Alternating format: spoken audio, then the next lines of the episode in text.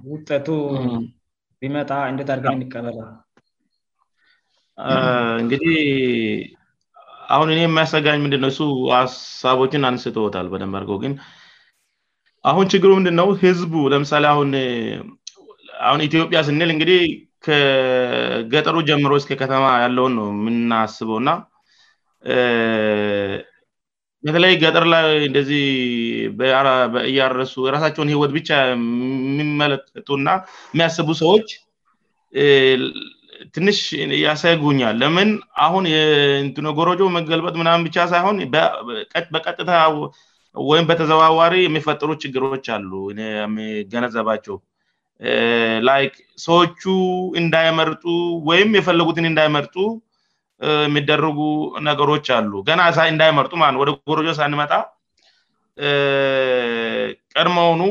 በተለያየ ምክንያት እናንትን በአንድ በሌላ ነእንትን ብላችኋል ለምሳሌ አሁን በጥቅማጥ ሊሆን ይችላል ፐርሶናልጫና በመፍጠር ሊሆን ይችላል የሚፈለገውን ምንድነው በምርጫ ህግ አግባብ የተቀመጠ ሰውን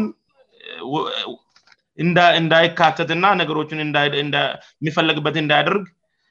ገለል በማድረግ ሊሆን ይችላል በእንደዚህ አይነት ነገሮች ነገሮችን አሁን ማድረግ ይችላልየግድ አሁን ኔ የሚፈራው ምንድነው ምርጫ ተመርጠው ወደፊት ያለውን ነገር ማድረግ የማይችልበት ሁኔታ ላይ ነው ያለነው ከሚታየው አንፃር እናንም እንዳላቸው ግን ምርጫው እስከሚመረጥ ድረስ የሚደረጉ ጫናዎች ነ አሁን ኔ ን የምለው ህዝቡ ኮሮጆን ካርዱን ወደ ኮሮጆ እንዳስገባ የሚፈርጠሩ የመዓል አስፈላጊ ጫናዎች ነው አሁን እያሳስበኛለው አንድ የፈለገውን መምረጥ የፈለገ ሰው እንደፈለገ ምርጫ ቦርዱ በሚፈቅደው መሰረት ሄዶ ለፈለገው ፓርቲ በነፃነት ምንም አይነት የጸጣ ናና የተ ጫና ሳይደረግበት የጥቅማጥቅም ጫና ሳይደረግበት እንድ መርጥ ነው የነበረው በእርግጥ እናንተም እንዳላችሁት ፍጹም ሊሆን አይችልም የሚታየው ነገር ግን ደግሞ ግልጽ በሆነ መልኩ ነገሮቹ ሲሆኑ አንደኛ ህዝቡ እንዳላችሁት ህዝቡ እያልፈለገውንበግድ እንዲያድርግ እያደረጋችት ነ ሁለተኛ ደግሞ ህዝቡን ወክሎ የሚወዳደረው የተሌለኛው ተወካይ ወይም ተወዳዳሪ ጋር የሚፈጥረው ሌላ ነገር ይፈጥር ይችላል ነሱና ከነሱ ጋር የሚመርጡ እነሱን ሳብ የሚደግፉ ሰዎች እና ያኞቹን የመደግፉ ሰዎች መካከል የሚፈጠር ሌላ ነገር እንዳይፈጠር ነው አሁን እንደዚን ነገር መደረግ ያለበት ስለዚህ ኢትዮጵያ እንደ ኢትዮጵያ አሁን እንደ ኢትዮጵያ ሳስብ እአጠቃላይ ሳስብ እንደ ቦርዱ ሳሳስብ ምንም ል ችግር የጎላ ችግር ይኖራል ብዬ አልፈራም ግን አሁን እያንዳንዱ በየቦታ የተቀመጡ በየዞኑ በየቀብሎ የተቀመጡ የምርጫ ቦርድ ኦፊሶች እንደ ምርጫ ቦርዱ ከለልተኛ መሆን አለባቸው ነው የማያስበው ምርጫ ቦርዱ በሚሰሩት እናን አልረ አልቋል አሁን ድምፅ መጣያ ሰዓት ላይ ነው የደረስ ነው ግን ያም ሆነው ይህ ባለችን ትንሽ ሰአታት እንደዛ ነው ማሰብ አለባቸው እነሱ ምንም እንኳን አእምሯቸው ውስጥ ሰውነታቸው ውስጥ የሚደግፉት የሆነ ፓርቲ ቢኖርም ገለልተኛ ነው መሆን ያለበት አንድ የሆነ ሩፕ ፍ ፒፕል ወይም መቶ ፐርሰንት ህዝብ አለ ብንል ስልሳ ፐርሰንቱ uh, ጫና ስደረግበት ወይም አባ የተቀረ ርሰንት ጫና የምደረግበት ከሆነ ፓርቲየጫናዎችን ሁነታ አይቶ ከህጉ አንፃር እነዚህ ሰዎች uh, ለምሳሌ እንደ ዜማ ወይም እንደ ግናብልጽግና አላግባብ የሆነ ጫና ሌላው ፓርቲ የፈለገን ህዝብ እንዳይመርጥ የሚያደርግበት ሁነታ ካለ ያን ሁነታ አይተው አይምርጫ ቦርዱ ይነእንደዛ ነገር አይደግፍም ስለዚህ እናንተ የምትችሉትን ነገር አድርጉ ህዝቡን ልብ ጊዙ በሌላ ነገር በሚታረጉት በምሰሩት ነበምትናገሩት ነገር ግን ህዝቡ እንድመርጥ እንቅፋት እንዳይመርጥ እንቅፋት ነ ለምሳሌ ምርጫውን አግኝቶ እያለ አንተ አውቅም ብለ ካርዱን እንዳይመርጥ በተለያየ መንገድ ሄዶ ወደሚመለከተው ቦታ እንዳይጥል ማድረግ ሊሆን ይችላል ክል መሆን ማለት ነው ህዝቡ ሄዶ የቆረጠውን ሊመርጥ ልሄድ ያለውን ህዝብ በማስመራራት ሊሆን ይችላል በተለያየ ሚንስ ያልሆነ ነገር አክሽን በማሳየት ህዝቡ እንዳይመርጥ ወደ ጎሮጆ የያዘውን ካርድ ይዞ እንዳያስገባ በማድረግ እየተደረጉ ያሉ ጥሬቶች ነ አሁን ን የመየተለያሳ እንግዲህ እናንተ ታቃላችው የተለያየ መቼም ወንጀል የሰራሚሆን ወንጀል ያሰራ ሰው እኩል ዜጋ ነው ወንከወንጀሉ እንድታረም ህግ ቤት ቢኖርም ዜጋ ነው እንደዚህ አይን ነገሮችም ያው ሌላ ህግ እንደዚህ ከተሞች አካባቢ ላይ ኢንፎርሜሽን ቅርብ የሆነበት አካባቢ ላይ እነዚህ ነገሮች ተገባራው ይደረጋሉ እኛ ጋ ግን ትንሽ የሆነ ክፍተቶች እንዳይኖሩ አፈራለው እና እንደዚህ አይን ነገሮች ብኒዛቤ ውስጥ እንዲገቡው አስባሉምን መምጥ የመምረጥ ሙሉ መብት እያለው ተፈጥሯዊ መብት እያለው የሚፈልገውመርጦ እንዲመራው ማስቻል መብት የተሰጠው ሙሉ የዲሞክራሲ መብት እያለው እንዳይመረጥ አርትፊሻል በሆነ ጫና ወይም በማይፈቀድ ጫና በማስርብ ሊሆን ይችላል በማስፈራራት ሊሆን ይችላል የተለያየ ተደበቀ እርምጃች በመውሰድ ይችላል የሚደረጉ ነገሮች ትንሽ ትክክል አይደለም እንደዚ አይነት ነገሮች ሲሆኑ ነው መጨረሻ ላይ ማያምረው ምርጫ ከተካሄደ በኋላ አየ እናንተ ምሳሌ እንዳደረጋቸው ዘጠና ሰባት ላይ በስርዓተቁመው ብዙ ነገር ክክር ተካሄደው ህዝቡ የምመርጠውን በተለይ አዲስ አበባ የሚመርጠውን አውቆ መርጦ የመረጠው ፓርቲ አሸንፈው መጨረሻ ላይ እንዴት ያሸንፈዋል ብለው ያ ዴሞክራሲ እንደሁኑ የሆነ ቦርድ ስላልነበረ ያን ያይል ሰው ብዙ ሰው እስከሚያልቅ ድረስ ብዙ አቃል አስታውሳሉ ብዙእንዲሁም ዩኒቨርሲቲ ተማሪዎች ብዙዎች የተደበቁ አሉ በየቦ የኛ አካባቢ ሰዎ ጭምር ቆላካይን ገላባ በጣም ብዙ ነገር አለ የተፈጠረው ገዚእና እንደዛ አይነት ነገር ነበረ ግን አሁን አናቱ ላይ ደና ነው ያለው አናቱ ላይ ማለት ዋና ቦርዱ ስርዓት እያደረጋለው እንትን ነው አሁንአንድ ጥሩ ነገር አስቀምጠዋል እነሱምን ግግንዛቤ ጥ እንዳስገቡ በማድረጊ ጥሩ ነው ያደረቁው ምንም እንኳን እነሱ አን ወደታችን ራሃቅ ያለ ስለሆነ እንደዚህ የተዘዋዋሪ የሆነ ጫናንዳይክት የሆነ ጫና ጫና የሚመስሉ ግን ጫና ለምሳሌ አሁን ህዝቡ ላይ ሄዶ የተለያየ ነገር ከጥቅም አንጻርለወይም እንዳይመርጡ ገለል እንዲሆኑበማድረግ ንደዚ የሚደረጉ ነገሮች ያኛው ፓርቲ ኮምፕሌን እንትን ተደርጎ ከቀረበ በኋላ ያ ልፋት ዜሮ እንዲሆን ለነሱም ለዘኛው ፓርቲም ጭምር ቁጥር እንዳይገባ ስልደረግ ስለምችል አልአስፈላጊነቱን ተረርሰው በነ ባሉት ሰዓታት ይህን ግንዛብ ውስጥ አስገብጠ አስበው መደረግ ያለበትን ነገር በስነስርዓት ቢያደርጉ ደስ ይለኛል ለምን ምን መስላት አሁን አንተም እንደዛ ነገር ስታደርግ አሁን ዛሬ ላይ እርግጠኛ ነኝ ብላ አትልም ዛሬ ላይ እንደዚህ ስታደርግ ነገ ላይ ያ ሰውዬ አሁን አንተ ምሳሌ የወን ነው አሁን ዶክተር አብይ እ ኤግዛምፕል እየሆነ ለወደፊት ያሉ ምርጮች ስለዚህ ዶክተር አብይ ይኔ ምርጫ ነፃ መሆን አለበት ሰው በሀሳቡ ተሟግተው ዝቡ ህዝቡን ልብ ወስደው ህዝቡ ሰውየሆን ይመርጣል ስለዚህ እንደዛ መሆን አለበት ብሎ ኤንቫይሮንመንት ሰጥተዋል ሰዎቹ በዛ ነው እየታገሉሉት አደለም ስለዚህ ጀነራል እንደዛ ነው ሀሳቡ የተባለውእና የሚደረግባቸው ትልልቅ ከተማዎች አሉ እንደዛ ተጨባጭ እየሆነ ነው ምክንያቱም ማንም ሰው የፖለቲካ ፓርቲ ሆነ ብልጽግና ገዢ በሆንም በዛ ቅስበት እንደዛ አይነት ነገር ማድረግ አይችልም አሁን ወደታችራቅ ያሉ ሰዎች የሚያደርጉ ነገሮችን በግላጭ እንደዛ ማድረግ አይችልም ምክንያቱምበግልጽ እርምጃ ስለሚወሰድባቸው በማድረግ እኛ ግን ትንሽ ዞር ያለ ስለሆነ እንደዛ አይነት ክፍተቶች አሉ ይታዩኛል ሰዎቹ በተለያየ የፈለገ ሩቅ በሆንም እሁላ ዛ ነ ለ አለው እንዳይመስላቸው የሌሎች ጓደኞቻች ያብም እዛ ይሆናልይ ብዬ አስባሉ ስለዚህ የሚካሄደውን ነገር አሁነ ብዙ ጊዜ ናንተ መረት ላይ ያለውን ነገር ሳጣቁ ዝም ብሎ የሆነ ነገር ሰምታቸው ነ የሚታወሩ የሚባል ነገር አ አይደለም እዛ ያሉ ሰዎች አሉ እደዚህ እንደኛ ተቀምጦ እውነት የሆኑ የኛ አካል የሆኑ ብዙ ሰዎች አሉሁሉም ሰው ኛ ነው ግን እውነት የማይዋሹን ሰዎች ነገር ፖለቲካ የማይፈልጉ ሰዎች አሉ እውነቱን የሚነግሩን እና ከዚህ አንፃር ነው የሚነግራቸውእና እንደዛን ነገር መደረግ አለበት ብዬ አስባሉ ስለዚህ ዛሬ ላይ አን በሰፍትነት በተለያየ ነገር ሰውን ደሌላ መርጠ ነገ ተቀራኒ ነገር ስታደርግ ይሄ ልቡን ገዝቶ አን ለዘራለ እንደግፈ አደርግም የሚያደርገው የምሰራው ነገር ነው የሚስራው ህዝቡንእንግዲህ አሁን ለወደፊት የሚመረጠው ፓርቲ ምን ይጠበቃል ብለን ካሰብ ሲያወራ የነበረው በቅ ደረጃ ሁን በተለያየ ደረጃ ሲናገር የነበረውን እንግዲህ የተሰጠው ኮንትራት ጊዜ ውስጥ መስራት ነው ግን ከዛ በፊት ምርጫው መንግስቱ ወይም ህገንነው የኢትዮጵያ መንግ የኢትዮጵያ መንግስት የወክለው ምርጫ ቦርድ በአስቀመጠው ስርዓት መስረትና ልቅ ተመርጠው ስርቱ በበስነስርዓት ተከብረው ምንም እንኳን ከኖች ብኖሩም በተለይ በተለያየ የምታዩእና የምነኩ ችግሮች ሳይደረጉ ተደርገው ካለፈ በኋላ ማንም ሁን ማን ድምፁን አግኝቶ ለምሳሌ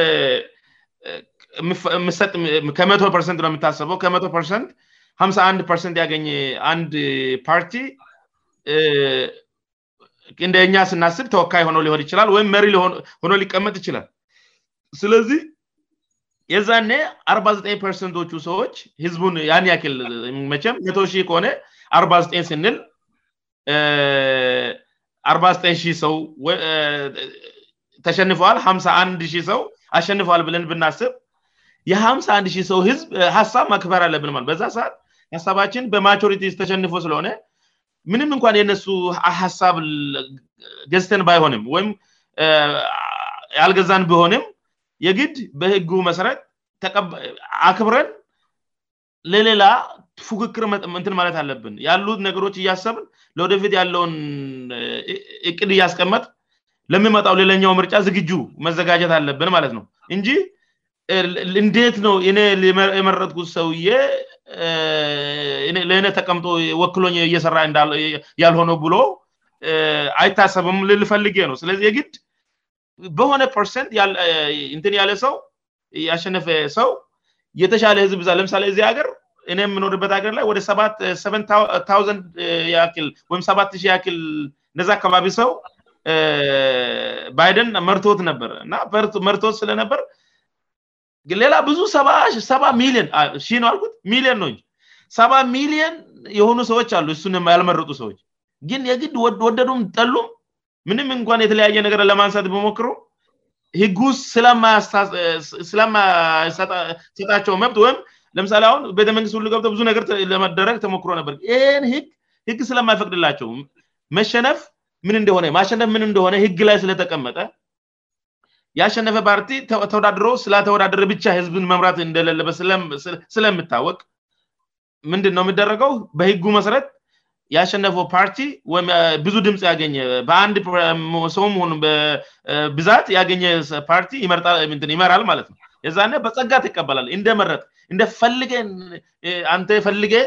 ቦታው ላይ እንደተቀመጠ አርገ ነው ማሰቢያ አለብ ማለትነው ምክንያቱም መቀየር አይችልም ህጉ አይፈቅድም አግ የፈለግከው ሰውዬ እንዲቀመጥል ማድግ አይቻለም ግን ምንድ ይሄ ስባል አንተ ሀሳቡን ስላልደገፍ የተቀመጠው ሰውየተመርጦ የተቀመጠው ሰውየ አንቴን ምንድነው እንደሚመራ ህዝብ አካል አያስብም ማለት አደለም የማሰብ ግዴታ አለብን ወበርላ ተቀምጠ አንቴን ስመራ እሱን የመረጡ ሀምሳ አንድ ሺህ ሰዎች የሱ ሀሳብ ስለሚደግፉእና ስለሚከተሉ የእሱ ደጋፊ ስለሆኑ እነሱን የተሻለ ጥቅም ሰጥተው ያልመረጡት ሰዎች ወይም የሱን ሀሳብ ያልደገፉና የሌለኛውን ሀሳብ ያደገፉ ሰዎች እንደ ጠላት ወይም አይተው በቃ እነሱ መጀመሪያ ለእኔ አይደሉም ብሎ ማሰብ የለበትም ነው እንደዛ አይደለም ሆን ያለበት ስለዚህ የሚመረጥ አንድ ፓርቲ ምንም እንኳን በተወሰነ ፐርሰንት በልጦ የተወሰነ ህዝብርሰማለ አባላጫ ርሰንት በሆንም የተወሰነ ህዝብ ባይመርጦውም ወይም ሀሳቡን ሳይደግፍ አሸናፊ ቢሆንም ማሰብ ያለበት የሁሉም ሰው በዛ ሰዓት መወከሉን ነው የሚያሳየው ስለ መቸም እየተወራና የተደረገ መድረክ ላይ ሲወጣ ወይም በሚዲያ ላይ ሲወጣ የሚደረገው ነገር ስለ ህዝብ የምንነገረው ነገር ሁሉም ህዝብ መልካም መልካም ነገር ነው ስለዚህ ይህንን የሚያውሩትን ነገር ዝም ብሎ ከራሳቸው ጥቅም አንጻር ሳይሆን ከህዝቡ አንፃር እያደረጉ ወደፊት ያለውን ነገር ጭምር በማሰብ ለምሳሌ አሁን ም ብሎ ዛ ብ መመረጥ እአደለም ዛ ብቻ መመረጥ አለም ደግሞም አሁን ላይ ጫና የተደረገ ያለው ስታርቲንግ ስለሆነ ነው ምርጫ ቦርዱ ትንሽ ስላልተቀናጀ ነው ስላልተደራጀ ነው ችግር እያለለ አንድ የሆነ ዞን ላይ የተቀመጠ ወይየምርጫ ቢሮ ኤሌክሽን ቢሮ ሰው ፓርቲዎችን በር ስርዓት መስረት የሚያዝዘው ሰው ፓርቲ የለውም ፓርቲ ሊኖሩ አይገባም እንደ ወታደር ነው እሱ ማስታረቅ ነው ያለበት መምረጥ አለበት መምረጥ ያለበትም አይመስለኝ እ እንጃ ስለዚህ መምረጥም ካለበት ውስጡ ላይ አስበው ሊሆን ይችላል እንጂ ውስጡ ላይ የሚያስበው ምርጫ ምንድነው ፓርቲ እንትን አርጎ ማዳለት የለበትም ነው ምፓርል መሆን አለበት ነው ት ስለዚህ ይህን ነው ማሰብ ያለብን ወደፊት የሚመጣው ፓርቲ እንግኛ ምንደ ከዚህ በፊት በብዙ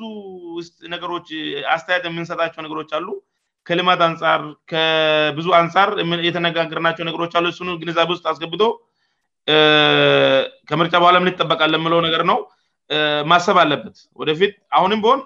ዜማም ሁን ብልጽግና ሊመረጥ ይችላል ከሁለቱ አንድ እንደሚመረጥ እርግጠኛ ነ በኛ ደረጃ ስንል ስለዚህ ሁለቱም ከሁለቱ አንድ ሰስት መረጥ ለእኛ ለውጥ የለም ልዩነት የለውም እኛ የሚፈልገው ህዝባችን የሚፈለገው ክብርና በሚፈለገው ልክ እንድገለገል ነው የሚፈለገው ክብር መሰጠት አለበት የሚፈለገው ነገር መደረግ አለበት ነው እኛ ብለን የምናም ነው እንደ አንድ የህብረተሰቡ አካል ሰው ማለት ነው እና ይህንን ማድረግ አለበት ማለት ነው የተመረጠንድ ማነኛውም የሆነ ፓርት ከዛ ውስጥ ያለው ሰው እንደዚ አይነት ነገር መስራት አለበት እሱን ደግሞ በየሂደቱ እንከታተላለን ወደሚመለከተው እንግዲህ አሁን ብዙ ነገር እየሰራ ነው ወደሚመለከተው ነገር ሰው ነገሮችን ያረግ እያስታረቅ በስርአል ነገሮች እንደሄዱ ንድናደርግ እንደምናደርግ ወዲ ሰው ሀሳብ ውስጥ እንዲገባ እንትን እንላለን ማለት ነውእናስባለን እናስገነዝባለን ህዝቡን በምንም አይነት መልኩ ሁሉንም ህዝብ እንደወከለ የተወሰነ ህዝብ ብቻ እንዳልወከለ ዛራተቀመጠው ለራሱ ንምሳሌ ተቀጥሮ ደሞዝ ለማገኘት እንዳልሆነ እና ህዝቡን ለማገልገል እንደሆነ የምሰጠው በጀት ደሞዝ እንድሰጥበት ብቻ ሳይሆን የሆነ ልማት እንደሰራበት ጭምር እንደሆነ ሆነ የሚታዩ ነገሮች አሁን እንደሚመረቁ አብይ ጎበዝ ነው በዚህ እንደዚህህ ዶክተር አይ የሚመረቁ ነገሮች እንድሰሩበትእና የምታይ በኮንሶል ደረጃ ለምሳ የምታይ እኛ ስመረቅ ሀይ ብለን ምንደግፍበት ራሱ ጭምር እንደአንድ አካል ማየት እንፈልጋለን መንገድ ለምሳሌ በየገጠሩ ችግሮች አሉ ገጠር ያለው ሰው ገበያ ለመህድ ሊሆን ይችላል በተለያዩ ሚንስ በእግር ነው የመሄደው እንደዚህ እንደዚ አ ነገሮች ላይ ውሃ የሚፈለግበት ቦታ ላይ ጤና እንደዚህ ነገር ላይ በተጨባጭ ይሰራል ብለን ተስፋ እናደረጋለን ስለዚህ ይሄንንን ግንዛቤ ውስጥ አስገብቶ ይዘማ የሚሆን ብልፅግና ሲገቡ ወደዛ ወደ ተዋካዮች ምክር ቤት ከመሄደው በተጨማሪ ይህን ግንዛቤ ውስጥ ማስገባት አለብን እዛ ምሄዶው ሰውዬ ምን ይዞ እየሄደ እንደሆነ ተነጋግረ ከዚህ በፊት የሁሉም ሰው የብዙ ሺዎች ድምፅ ይዞ እየሄደነው በአቅባቡ ድምፁን አንድ ቃል ስናገርብዙ ሰው እንደተናገረ ነው ማሰብ ያለብን የተሳሳተ ነገር ካደረገ ህዝቡ እንዳለን እንደተሳሳት ው የምታስቡ እና ይህን ስርዓት እንትን ማለት አለበት ህዝቡን ጥቅም ሚዛን መድፋት እንዳለበት አንድርስታንድ አድርጎ እንዲገቡ እዛ ህዝቡ ጋር ተቀምጦ የሚያገለግሉ ደግሞ ይሄ ሁ የጠቀዝጓቸው ነገሮች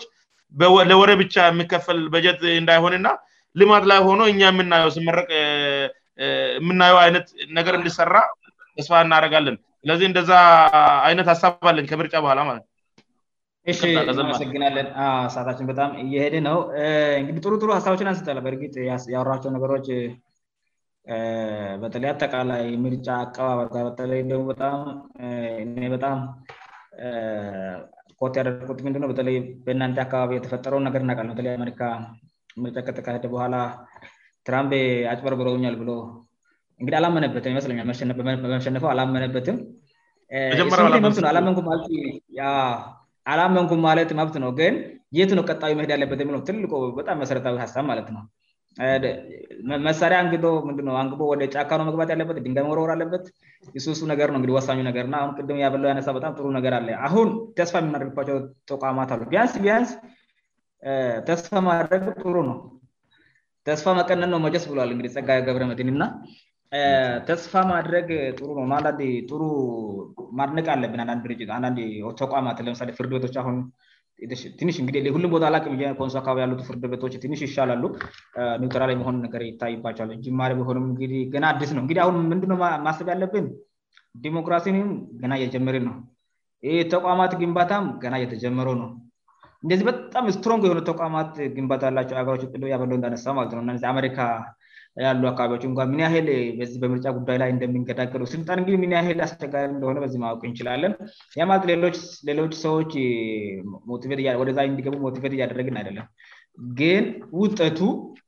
ምን ን ምንግን ለምሳሌ ንቀበል እኳን ወት ሄድያለብ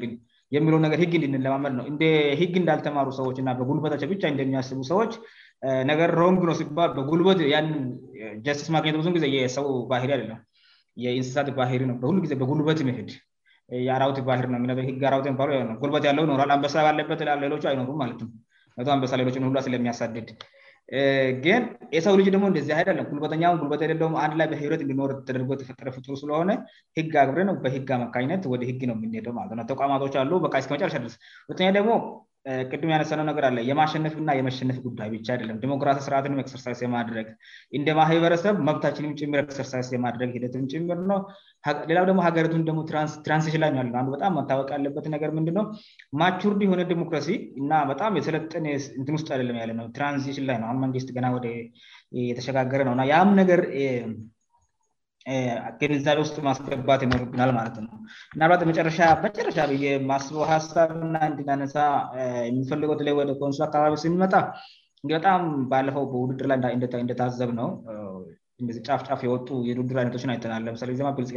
ሁለ ቦታ ነው እየተሰለፈው ሁሉም እዲህ በጣም ተለያየ መንገድ በሶሻል ሚዲያ ላይ ሲናገሩ እንደምንሰማው ሁሉም አሸንፋለው ብለ የሚያውራሁም አሸንሽ ያለው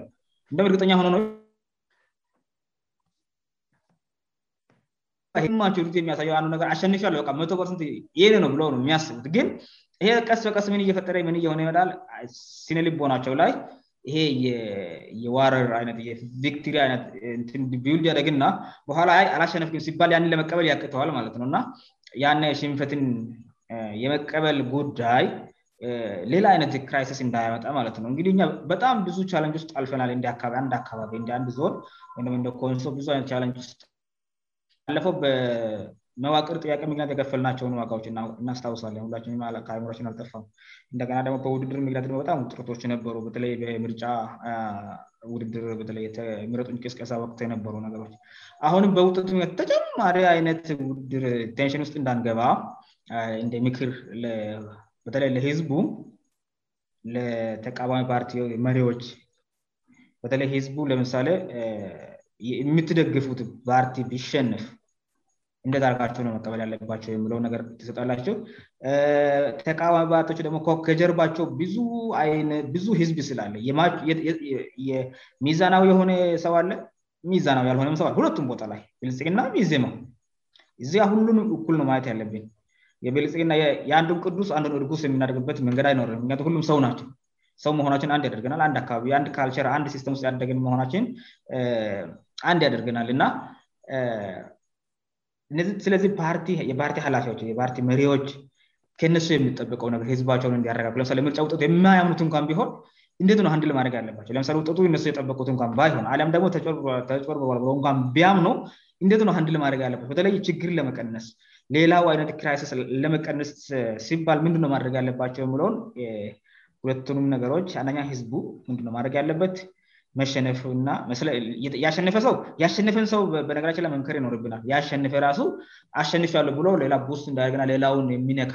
ሌላየተሸነፈውን ሲልቦና የሚነካ ወይም ደሞ አብላጫ ድምጽ ያላገኘውንም ጭምር ቸጉግራሂፃናት ተጫወታአለ አንዳንድ ጊዜ የሆነ ታሸንፍ ለአን ሰው ላስ የምፋወይጠመለማብሸጥ የሚደረግ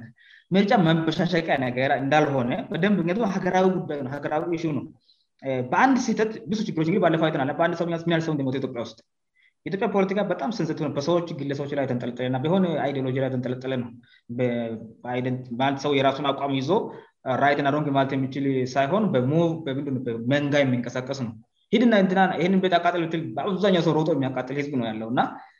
ያህንን ለመከላከል በተለይ የፖለቲካ ፓርቲ መሪዎች ምንድ ማድረግ ያለባቸው ህዝብስ ምንድ ማድረግ ያለበት ያሸነፈ ምን ማድረግ አለበት እነዚህበጣም ለቸው የተሸነፈስ እንመቀበል ያለበትነን ልብትድን ልብ ንድ ለበትበዛ መስ ጥያቄዎ ተደራረቡ ግን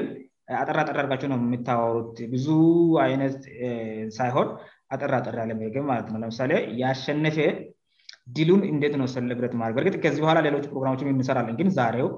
ማለት ከነገ ወናበጣ ርመ እንደምነገርእና ከዚ አንዳንድ ነገሮችን ለማሳጥሩነው ነውእና የሸነፈ አካል ድሉን እንደት ነው ስልብረት ማድረግ ያለበት የተሸነፈ አካልስ እንደት አድርገው ነው መሸነፉን አንድል ማድረግ ያለበት ህዝብስጥ ደሞ በተለይ ደግሞ ከጀርባቸው ላሉት